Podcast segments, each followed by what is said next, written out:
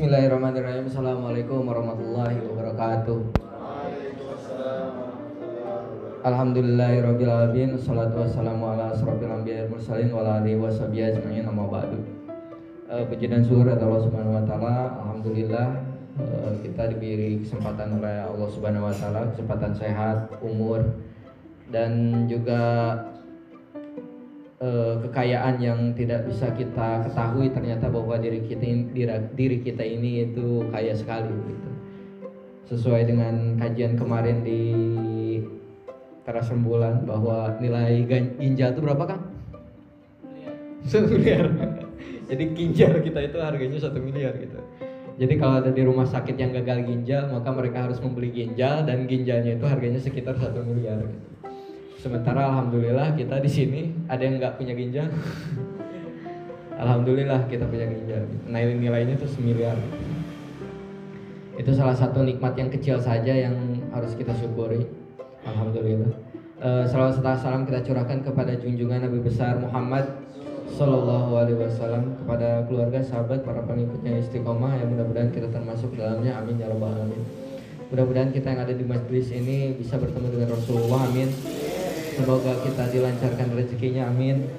Semoga kita disebut-sebut oleh malaikat sebagai penghuni surga. Amin. Dan semoga Allah mencintai kita. Amin. Alhamdulillah eh, saya diberi kesempatan untuk bisa kembali eh, dulu pernah ke sini lagi ya sekarang alhamdulillah saya bisa ke sini lagi gitu eh, yang terhormat tentu saja sesepuh yang di sini juga yang telah alhamdulillah istiqomah terus eh, yang namanya kajian gitu ya. Apalagi ini adalah remaja semua mudah-mudahan Allah memberikan ridhonya memberikan cintanya dan memberikan rahmatnya kepada kita semua. Amin ya rabbal alamin. Karena kalau kita lihat sekarang remaja dan pemuda banyak terjebak oleh hal-hal yang memang uh, itu diinginkan oleh orang di luar Islam oleh pembenci Islam gitu kan dari mulai menjauhkan dari pendidikan Islam dijauhkan dari sejarah Islam, dijauhkan dari Al-Quran, dijauhkan dari baginda Rasulullah Sallallahu Alaihi Wasallam. Jadi kita lebih mengenal yang namanya uh, idola-idola kita yang ada di televisi maupun selebgram maupun youtubers gitu ketimbang Rasulullah Sallallahu Alaihi Wasallam. Karena itu kita melihat bahwa yang di trending itu tentu saja tentang kemewahan, tentang uh, kekayaan, tentang megah-megahan gitu kan. Kita lihat di Instagram maupun di YouTube itu yang yang yang trending itu pasti hal yang demikian gitu. Bukan hal yang mendidik kita untuk bagaimana menjadi akhlak yang soleh gitu kan, bagaimana uh, menjadi pribadi yang beriman, bagaimana menjelaskan bahwa kita akan meninggal dan uh, selanjutnya itu bukan hanya sekedar meninggal, tapi akan ada yang namanya yaumil kiamah kita melihat bahwa fenomena sekarang itu telah terjadi sebagaimana dikatakan oleh Rasulullah SAW bahwa akhir zaman ini inilah perjuangan umat yang dirindukan oleh uh, Rasulullah SAW. Ketika Nabi Muhammad SAW bersedih, kemudian ketika berkumpul seperti ini sahabat dan Rasulullah, kemudian Nabi Muhammad bersedih, kemudian ditanya oleh sahabatnya, wahai Rasulullah, kenapa engkau menangis? Kemudian Rasul berkata bahwa aku merindukan umatku. Nah, kemudian para sahabat mengatakan bahwa bukankah kami ini umatku, umatmu ya Rasul? Sesungguhnya ada yang lebih hebat daripada kalian. Apakah para nabi? Ya tentu saja para nabi lebih hebat daripada sahabat. Apakah para malaikat? Ya para malaikat lebih hebat dari sahabat. Siapakah yang dirindukan oleh Rasulullah? Itu bukan sahabat Nabi, tetapi umat beliau di akhir zaman. Wahai wahai Rasul, kenapa engkau merindukan umat yang belum engkau lihat gitu kan?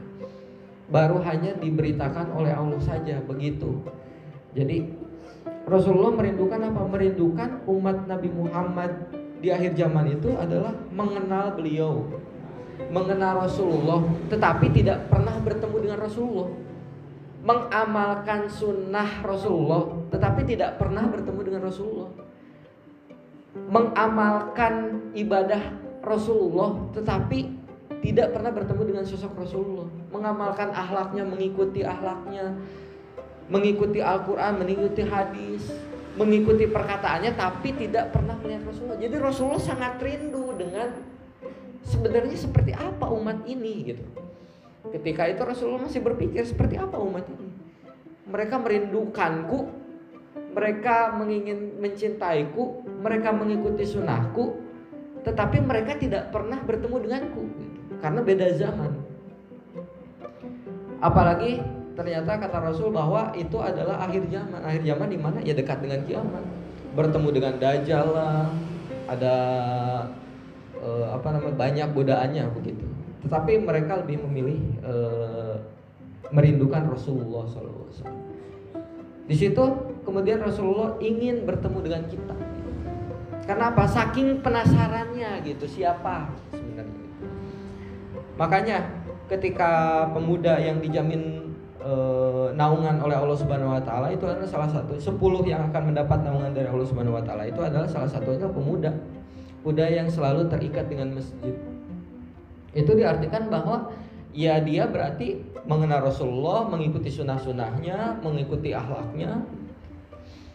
Dan dengan itu tentu saja kita tahu bahwa cara yang paling mudah untuk mengetahui sesuai dengan tema saya hari ini adalah tentang menyambut cinta ilahi kita tidak bisa meraba-raba misalkan uh, kita ingin dicintai oleh Tuhan gitu. Terus apa yang harus kita lakukan? Oh, kita harus bertapa misalnya kayak gitu. Kita harus berpuasa misalkan. Tanpa ada tuntunan, tanpa ada contoh, tanpa ada kejelasan gitu kan. Apakah supaya kita dicintai Tuhan kemudian kita mencari pohon yang umurnya seribu tahun kemudian kita bersemedi di situ? Ataukah kita pergi ke uh, apa uh, air terjun. Kemudian kita mandi di situ. Apakah kita mandi di tujuh sumur gitu kan? Supaya kita dicintai oleh Tuhan kita gitu. Tentu saja kalau tidak ada tuntunan dan tidak ada contoh itu sangat aneh gitu kan. Sama halnya seperti sekarang uh, kalau dulu ada nabi palsu misalkan mengatakan bahwa saya bertemu Jibril. Oh saya dapat dapat hidayah saya dapat wahyu dan sebagainya macamnya gitu. Nah itu kan dia mengklaim bahwa dia telah bertemu Tuhan, dia telah bertemu Jibril gitu.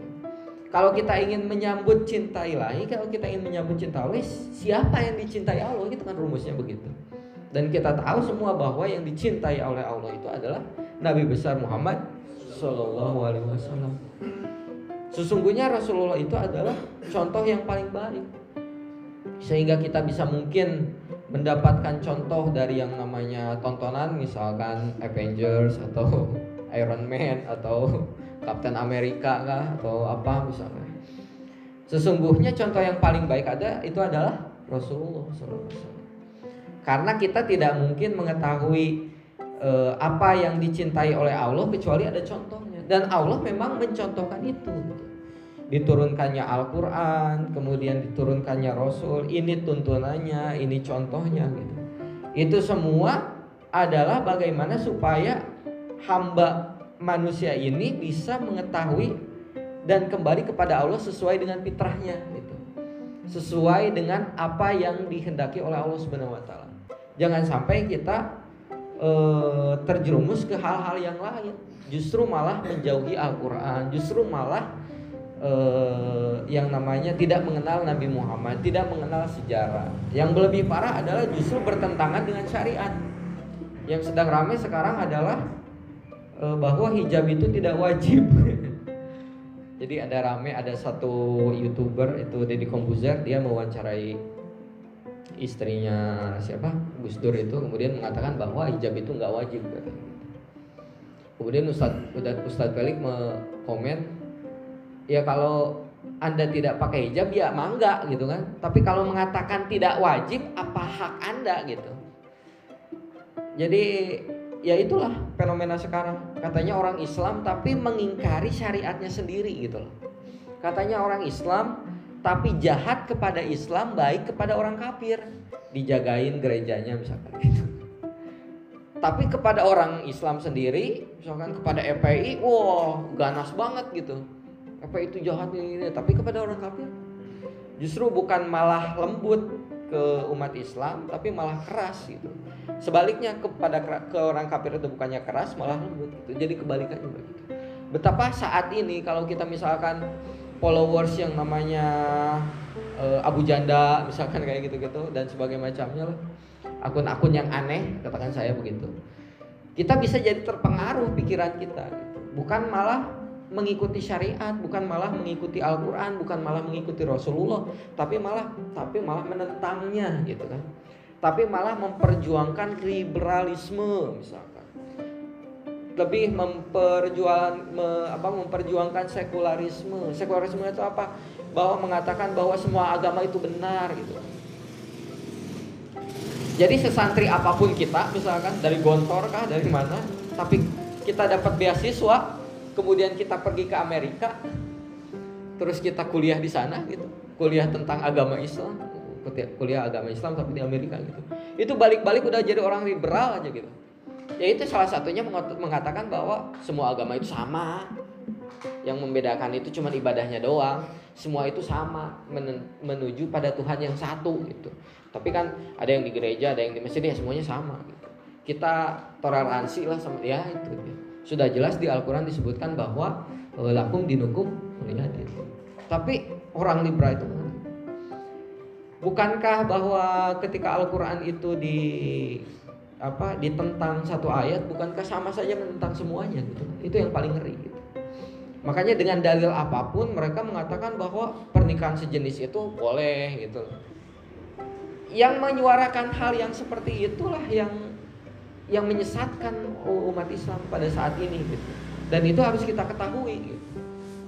Kita kalau hanya sebatas uh, belajar Islam di sosmed atau di apa uh, Instagram gitu, mungkin itu akan tidak lengkap gitu. Makanya kita harus bertemu dengan ustadznya, kita harus ngaji langsung. Perbabnya itu dibahas gitu. Bagaimana supaya kita jangan sampai jadi kupur iman gitu. Jangan sampai malah bukan jadi orang beriman, malah jadi orang yang kufur gitu. Karena apa? Karena salah pemahaman tadi seperti itu. Jangan sampai ada yang mengatakan e, wah itu apa e, hijab itu nggak wajib. Kemudian kita setuju gitu dengan alasannya, iya masuk akal kok. Iya benar juga sih. Bukan masalah benernya, bukan masalah masuk akalnya, tapi itu tidak sesuai dengan aturan Islam. Kalau kita mau sesuai aturan Islam, tentu saja menolak di luar itu. Sehingga mana mungkin kita bisa menyambut cinta ilahi kalau kita tidak tidak sesuai dengan apa yang dicintai oleh Allah. Apa yang dicintai oleh Allah itu ya Al-Qur'an, ya sunnah. Karena pada saat ini tentu saja kita sudah melihat sendiri di sosial media sangat banyak hal yang bisa menjerumuskan kita mulai dari game online mulai dari idola gitu kan itu tanpa kita sadari bahwa itu yang akan menjauhi kita kepada Allah Subhanahu wa taala. Justru dengan kita datang ke kajian ini, kita datang ke majelis ini adalah bukti bahwa kita masih peduli dengan keislaman kita gitu.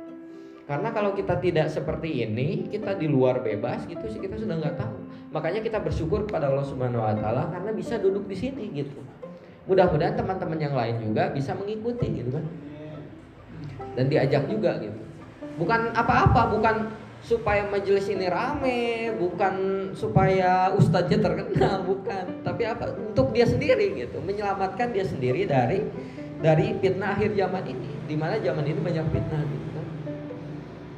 Sehingga apa? Sehingga eh, kita tidak mudah untuk yang namanya terbawa arus eh, yang negatif gitu. Karena itu sangat membahayakan membahayakan sekali gitu apalagi kita yang tidak punya dasar gitu. Apalagi pendidikan sekarang kan tidak tidak didasarkan kepada Al-Quran tidak didasarkan kepada Sunnah. Sehingga mudah saja ketika kita belajar dari jam 7 sampai jam 3 misalkan atau jam 4 di situ tidak ada agamanya sama sekali misalkan udah los. Padahal kalau kita mau lihat di Jepang itu kan eh, pendidikan eh, pendidikannya luar biasa kedisiplinnya luar biasa SDM-nya luar biasa, teknologinya juga luar biasa. Gitu. Tapi angka bunuh dirinya juga luar biasa, tingkat stresnya juga luar biasa gitu. Mungkin kita kagum mereka membuat kereta tercepat gitu.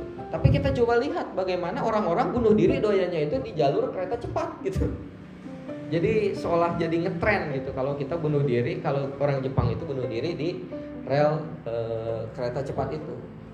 Shinkansen ya kalau nggak salah namanya di situ. Justru di situ uh, angka bunuh diri itu banyak. Kita kalau kita ke, pergi ke Eropa juga di sana mungkin lebih Islami dari orang Islam katanya begitu.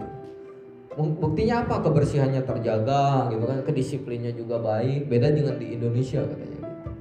Tapi kita lihat orang-orang Eropa sudah uh, mulai yang namanya tidak menikah gitu. Jadi mereka sendiri kebingungan ini tidak ada regenerasi gitu.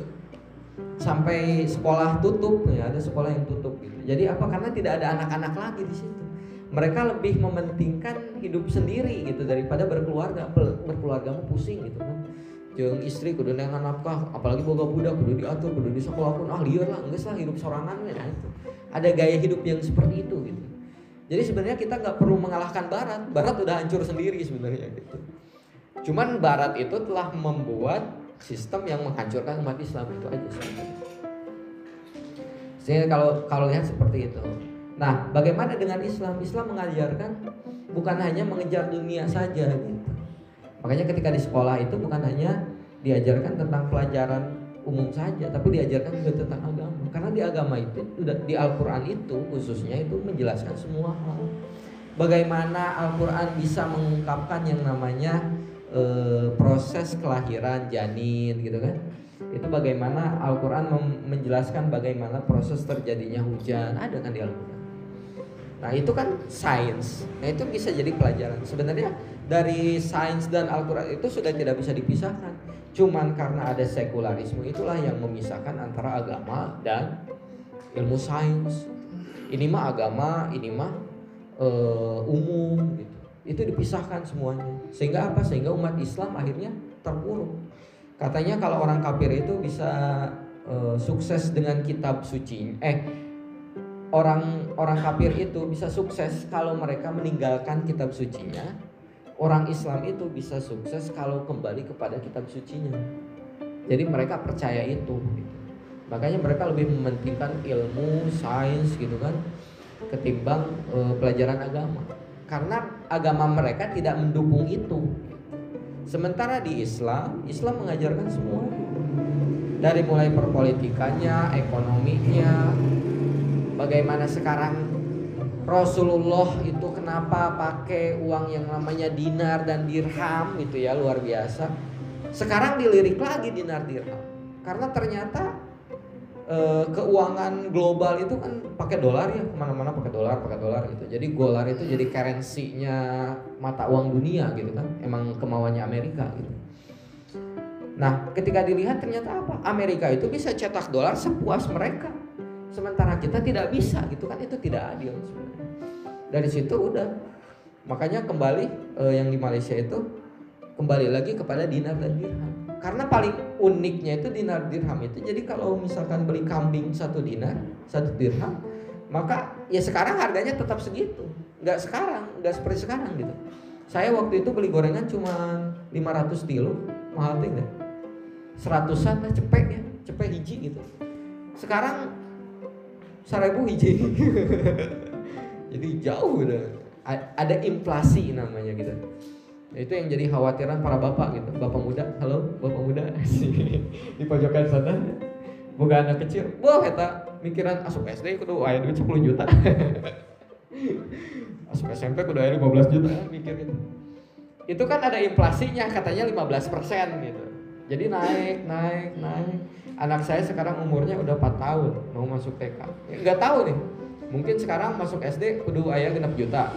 Nggak tahu loh setelah dia nanti umur 6 tahun atau 7 tahun itu apa masih segitu? Apa udah naik 10 juta?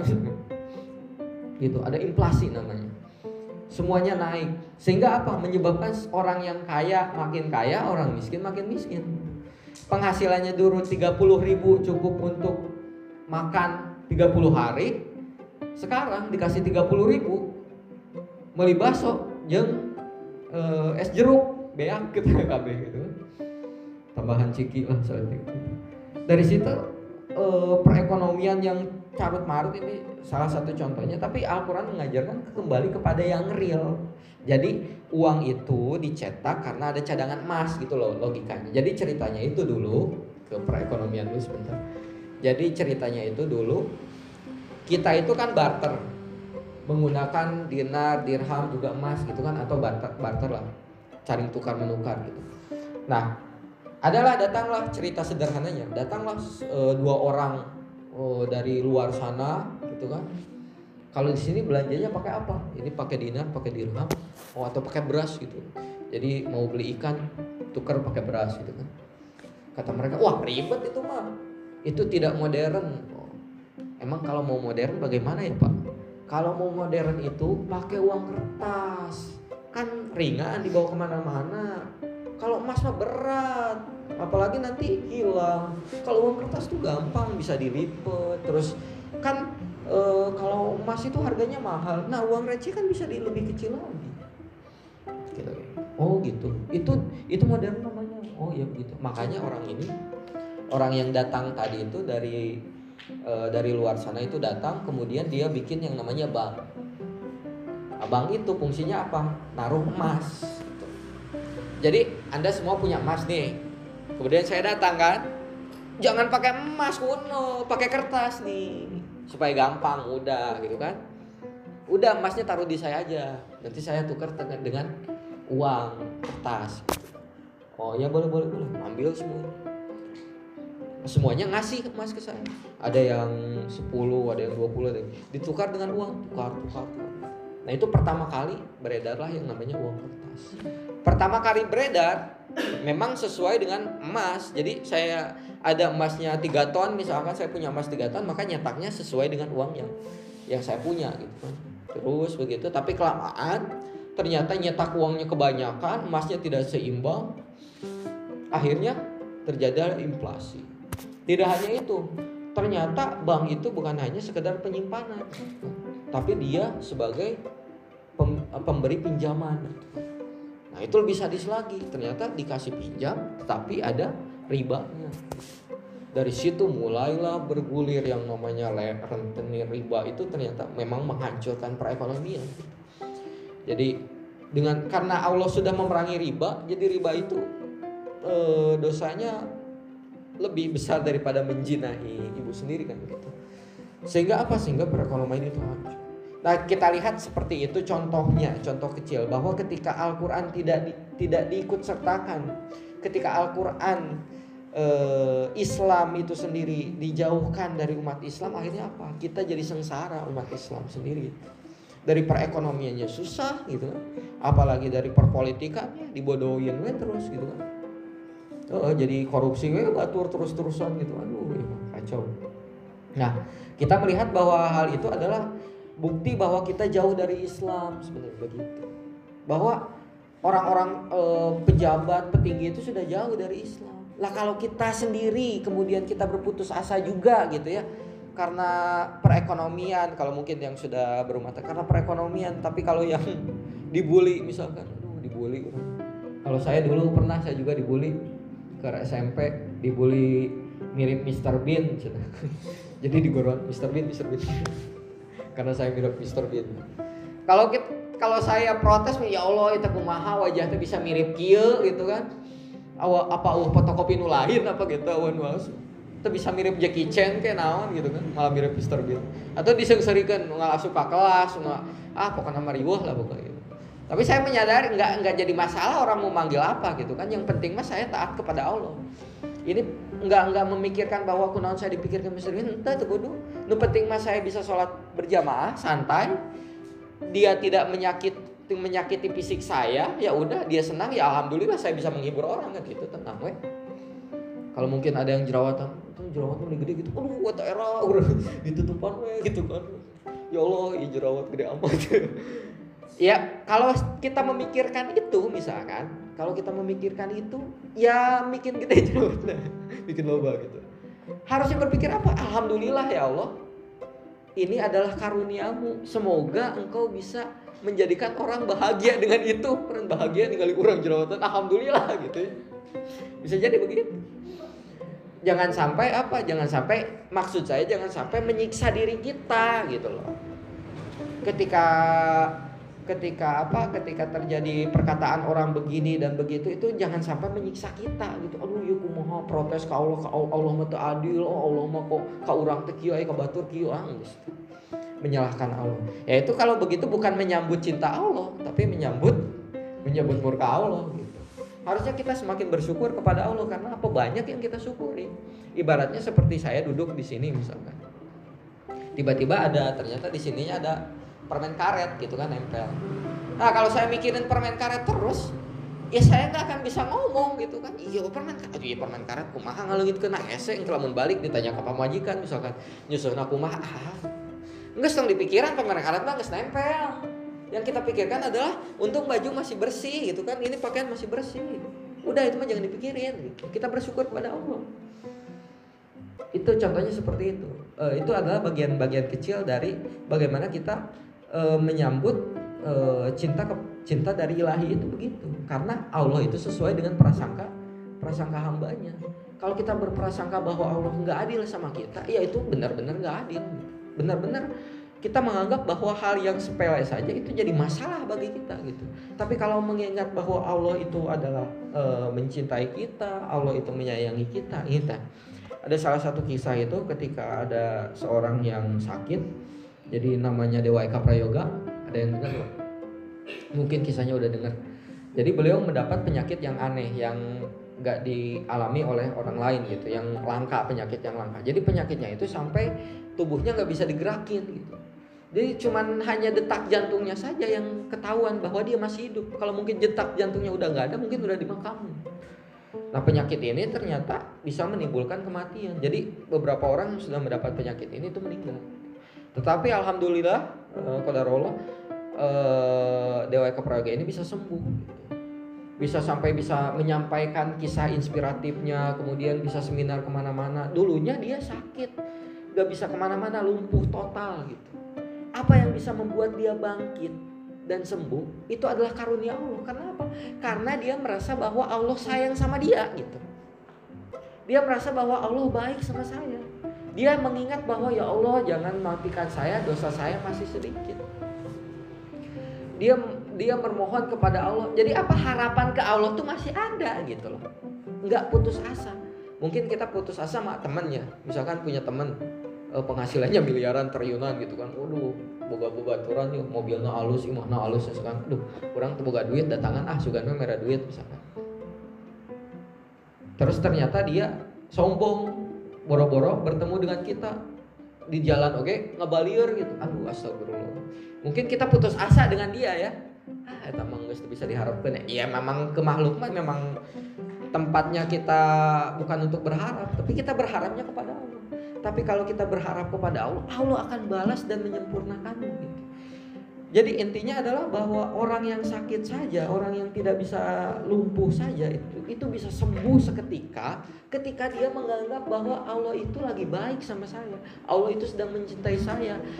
Penyakit ini adalah kiparat dosa saya. Penyakit ini adalah meningkatkan derajat saya di hadapan Allah. Penyakit ini adalah membantu saya supaya lancar masuk surga gitu. Itu yang terus diucapkan. Ada namanya self talk. Ada namanya self talk Pernah gak ngomong sendiri? Ngomong ke diri sendiri, bukan ngomong sendiri. Pernah gak ngomong ke sendiri? Diri sendiri gitu kan. Jadi kita ngomong ke diri sendiri kita, aduh, tadi tadi sekolah teh asa bebaturan teh segara lah KB gitu kan aduh ya teh naon gitu asa tegarna aduh si ibu ge ngamak wae aduh si bapak ge ngamak wae naon sih ngaramak wae misalnya ngomong gitu kan urang teh bukan salah naon sih heuh meureun urang mah bodoh heuh meureun urang emang teu bisa emang urang mah belet meureun ulangi itu 10 kali Ulangi itu 10 hari. Ulangi itu satu bulan. Anda dijamin belet, so. Anda dijamin murung di pojokan, sedih, weh. So, dijamin. Ketika ada orang sekelas Mario Teguh, eh, lama Mario Teguh namanya. Atau ustadz yang kalian kenal, Ustadz Abdul Somad datang ke hadapan antum kemudian memotivasi antum antum itu bisa antum itu cerdas misalkan tapi lamun orang ngomong orang tuh bisa orang orang kampung orang bodoh orang belet. Ulangi itu terus semua mau bisa. Siapa pun yang memotivasi kalau kita ngomong diri kepada diri sendiri seperti itu mau bisa. Sok dijamin. Kabar baiknya apa? Sebaliknya. Kabar baiknya sebaliknya. Apa? Kalau kita berkata bisa, bisa, bisa, benar bisa. Karena kita menganggap bahwa Allah akan memudahkan. Allah sudah mengatakan bahwa aku sesuai dengan prasangka hambaku. Kalau kata kita kata bisa, bisa pasti bisa. Tapi kalau kita nggak bisa, nggak bisa, nggak bisa. Makanya pernah waktu itu saya matematika kelas 1 SMP pertama, pertama kali ujian semester nilainya berapa coba? Nol. Saya gak mikir, iya naon salahnya gitu ya. Kok ya bisa nol iya juga Asal bener gitu jawabannya KB gitu. Ingat kan itu SMP. Hasilnya nol Akhirnya kan ada di SMP itu ada kelas kelas uh, SMP itu kelas 7 ya. 7 ya? 7. Jadi kelas 71, 72, 73, 7 sampai 78 tuh. Jadi 78 itu adalah kelas eksekutif katanya. Jadi nemnya tinggi, nilainya tinggi, semua dikumpulkan di situ. Di kelas 78 itu. Nah, sementara di paling bawah itu ada 71. Ternyata pengkodean seperti itu salah gitu.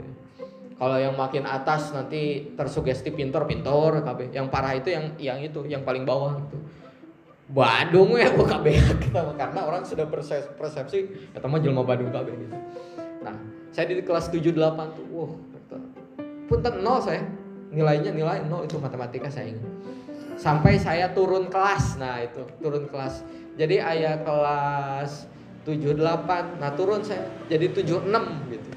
Jadi ente k 77 tapi 76 ngeloncat hiji gitu. Jadi pas saya kelas 11 itu akhirnya jadi saya kelas 11 6 bukan kelas 11 7 tapi kelas 6 11 6 jadi turun saya emang nyesel oke okay sih kunaon gitunya jadi turun. Ya aduh ya prestasi turun dan sebagainya macamnya lah gitu kan. Tapi ternyata belakangan hikmahnya bisa dikaji. Apa? Ternyata saya jadi orang yang terpintar di situ jadi pas diturun di kelas 11 6 itu saya dapat ranking satu. Pelajaran KB bisa batu ke barisan gitu. Karena saya dulunya mantan kelas favorit gitu lah katakan. Ternyata di situ apa? Di situ bukan hanya bukan masalah belajar gitu. Ya belajar iya tapi apa? Sugesti. Saya bisa sugesti dalam diri saya oh ternyata matematika mudah oh ternyata pelajaran ini mudah gitu oh ternyata Allah memudahkan oh ternyata mudah gampang mudah gampang mudah gampang gitu akhirnya bisa coba kalau waktu itu saya mengatakan aduh saya mau bodoh saya mau bisa oh saya mau bodoh saya bisa terus mungkin nggak akan naik lagi saya naik lagi kelas 3 eh kelas berapa? Dua, eh, kelas 9, 9 7 ya. Tapi itu nyampe ke 8 dulu sih. Ternyata sugesti itu saja gitu. Ternyata kita percaya kepada Allah, tidak putus asa kepada Allah saja, itu salah satu menyambut cinta kepada Allah.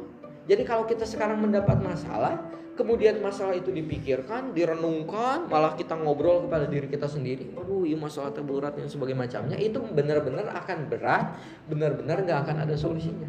Tapi kalau kita mengatakan bahwa Allah itu ada solusinya, Allah itu mudah, Allah itu menyayangi kita, Allah itu bersama kita, apalagi ditambah tahajud, apalagi ditambah uh, sholat duha, ditambah lagi sedekah, ditambah lagi puasa Senin Kemis, bayangin hajar ke majlis talim, suka dakwah. Wah.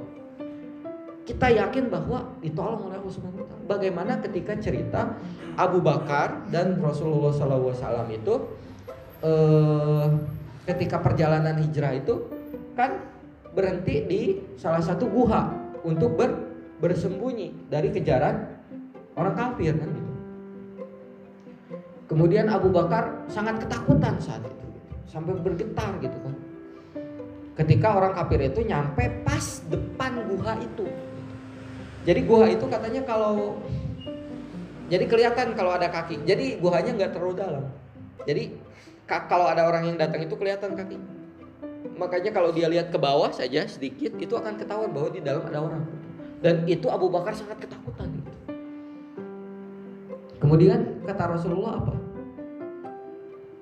Wahai Abu Bakar, sesungguhnya Allah bersama kita. Sesungguhnya Allah bersama kita. Itu menegaskan bahwa apa? Jangan putus asa. Ada Allah. Pertama itu. Yang kedua, ketika Nabi Muhammad SAW mendapatkan wahyu pertama, ketika bertemu dengan malaikat Jibril gitu kan, e, wahai Muhammad Ikro, la anabi kori saya nggak bisa baca. Ikro. Lah Nabi Kori saya nggak bisa baca. Ikro. Sampai dipeluk oleh malaikat Jibril kemudian ikro ikro bismi rabbikal ladzi khalaq. Kejadian itu membuat Nabi Muhammad shock dan bergetar, muriang lah. Bagaimana sih kita melihat? Ya kadang saya juga pernah ada cerita teman saya. Jadi jalan balik di sekolah habis maghrib gitu kan melewati apa namanya teh?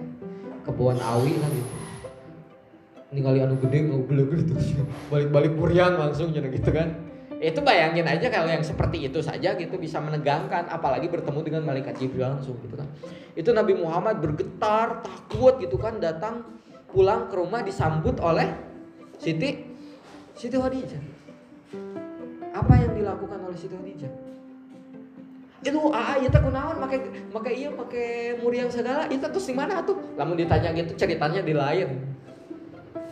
Entah diinterogasi heula gitu Nabi Muhammad teh. Ke Siti Khadijah. Tapi langsung ya Nabi Muhammad masuk langsung diselimuti langsung disuruh masuk. Kemudian berceritalah Nabi Muhammad tersebut bahwa saya didatangi oleh seorang yang mengatakan begini. Kata Khadijah apa?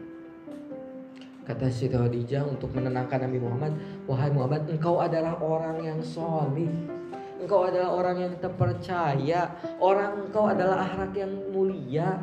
Gak mungkin Allah berkhianat atau ingin menyakitimu. Diberikan oleh Khadijah itu menenangkan itu seperti itu. Apalagi kita dalam kesulitan itu memang harus ada yang ngomong itu dalam diri kita gitu.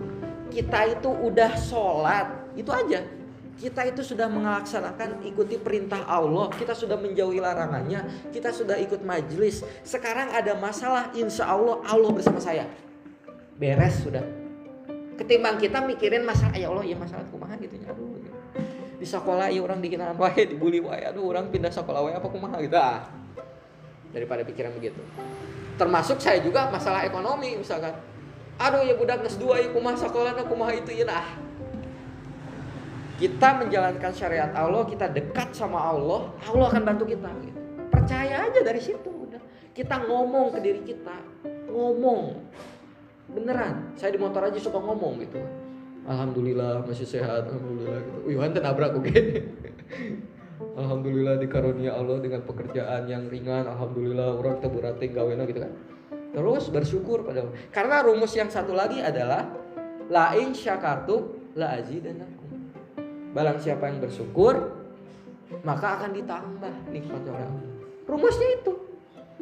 Jadi ketika ada masalah itu bukan masalah pikiran masalah, tapi bersyukur kepada Allah. Itu sudah dibuktikan oleh ribuan orang. Ya mungkin kalau dulu eh, bagaimana ya kita harus meneladani Rasulullah ya ketika Rasulullah bagaimana Rasulullah itu luar biasa itu ketika kita sudah menyambut cinta Allah itu begini maksud saya. Ini kenapa harus saya mengangkat tema ini begini. Jadi ketika Rasulullah itu menyuapi kakek-kakek buta. Jadi Rasulullah tiap hari menyuapi kakek-kakek buta itu. Suatu ketika Rasulullah meninggal dan kakek-kakek buta itu nanya. Wahai eh, penduduk Mekah, di manakah orang yang suka menyuapi saya? Dia berkeliling ke mana-mana gitu kan. Di mana yang suka menyuapi saya? Sampai pada suatu saat eh, Abu Bakar radhiyallahu anhu bertanya kepada Aisyah wahai Aisyah apa yang dilakukan Rasulullah sebel, eh, biasa yang dilakukan oleh Rasulullah? Tentu saja ibadah. Selain itu oh katanya Rasulullah suka menyuapi kakek buta di pasar. Oh begitu Iya, Rasulullah suka melakukan itu. Oh ya udah, didatangin sama Abu Bakar. Abu Bakar mendatangi orang tua itu. Orang tua itu sudah bertanya-tanya kan mana yang mau menyuapi saya. Sini saya suapin katanya. Kemudian orang tua itu kan menganggap bahwa itu adalah orang yang sama gitu kan. Oh ya udah. Seperti biasa mungkin dia duduk kemudian makan disuapi roti itu. Ketika suapan pertama dari Abu Bakar itu nyampe ke mulut kakek kakek buta itu, dia muntahkan gitu. Puh, naon itu teh? Arek nyiksa orang lain. Abu Bakar terkejut kan. Emang kenapa? Kan suka menyuapi. Ini kan sudah disuapi. Kamu itu mau menyiksa saya ya? Iya, roti teas kayaknya diwawalkan ke orang. Padahal kan kakek itu sudah tidak punya gigi gitu. Dia menget, dia teringat bahwa kamu bukan orang yang dulu nyuapin saya. kalau yang nyuapin dulu mah diremes-remes heula karena diuapkan ke orang. Iya mah nggak genul kene diuapkan ke orang. Mana lain lain jelema orang yang sama bukan pasti oh itu itu Rasulullah. Ah Rasulullah? Rasulullah? Si kakek itu kaget setengah mati. Bahwa yang menyuapi dirinya itu selama ini adalah Rasulullah. Kenapa kakek itu kaget karena kakek itu tiap hari, tiap pagi, tiap sore itu keliling pasar ngomongin bahwa Rasulullah itu Muhammad itu nabi palsu, Muhammad itu penyihir, Muhammad itu pembohong. Ngomong di pasar itu keliling. Setelah itu bertemu Rasulullah. Apa yang dilakukan Rasulullah? Nyuapin roti kalau kita bertemu dengan orang, oh si Ridwan mah tukang bohong, si Ridwan mah eta mah Ustadz Pak eta tukang woroi dan sebagainya macam menghina saya, ngeluar menghina keluarga saya misalkan kayak gitu. Ketemu saya, paling ke saya disuapan bedog benernya. Mau disuapan roti gitu, tapi Rasulullah disuapan roti gitu. Dan lebih utamanya lagi apa? Rotinya itu diremes hela gitu. Jadi ketika mulutnya itu sedang menghina Rasulullah, eh, Nabi Muhammad buatkan roti uapkan dengan sabar gitu. Seketika kakek itu langsung menangis dan masuk Islam dan menyesali semua perbuatan. Kalau tidak melalui pandangan rahmat, kalau tidak pandangan cinta dari Allah Subhanahu wa taala nggak mungkin itu bisa terjadi. Karena kita pasti nafsu lah gitu kan. Tapi Rasulullah menganggap bahwa apa? Mungkin orang tua ini yang akan menjadi inspirasi buat diceritakan hari ini dan diikuti oleh kita bagaimana Rasulullah men memperlakukan orang yang menghina dia. Bukan malah e, dicaci maki balik gitu atau bukan malah diperangi. Kemudian ada satu lagi contoh Rasulullah ketika diludahi setiap berangkat sholat sholat subuh. Sholat subuh berangkat pas lewat harupun imah eta kecrot. Terus laku Rasulullah sholat hari kedua lewat jadi kecrot dari lah sholat gitu. Terus berlanjut. Ente kuat gitu. Di sekali gitu kan. Tahan berarti ciduhan dua kali tahan. Ciduhan tilu kali mah nggak usah diberi bunga. Berikut dengan potna gitu. Rasulullah gitu. Sampai suatu saat Rasulullah liwat kadinya. Kontak hujan deh gitu. Oh ini ciduhan deh. Ikan mana ya jelma sholat subuh bertanyakan langsung wahai pulan tahukah engkau siapa yang ada di rumah ini? Karak ditanya lain pas di ciduhan langsung oh, jalan mana? Oh langsung tanya eh teh mah eta saha jalan mana? Oh si pulan oh eta si pulan oh kalau itu buban itu tapi pas berhenti meludahi nggak ada yang ngeludah Rasulullah kangen gitu kan. Bukan kangen juga sih. Eta ke mana? Kergering cina ya Rasul. Wow kalau kita mungkin syukur, puas, tak puas, tak biwir, tak biwir, tak gitu kan. Tapi ternyata enggak, Rasulullah menjenguk orang itu. Menjenguknya juga bukan bawa golok, bukan bawa pedang, bukan jenguk secara ikhlas. Gitu. Assalamualaikum. Assalamualaikum. Gitu. Waalaikumsalam. Siapa ya?